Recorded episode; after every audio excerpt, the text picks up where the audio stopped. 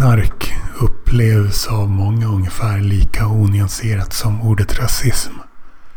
Men allt som kallas för rasism leder inte nödvändigtvis till folkmord och allt som kallas för knark leder inte nödvändigtvis till överdoser. Framtidens drogliberaliseringar kommer inte bara göra det svårare för den organiserade brottsligheten. De kan även följas av sjunkande subventioneringsgrader för vård av drogskador och offentligt administreras med återbetalningsplaner i stil med studielån. Våghalsig dekadens kan kosta mer under längre tid.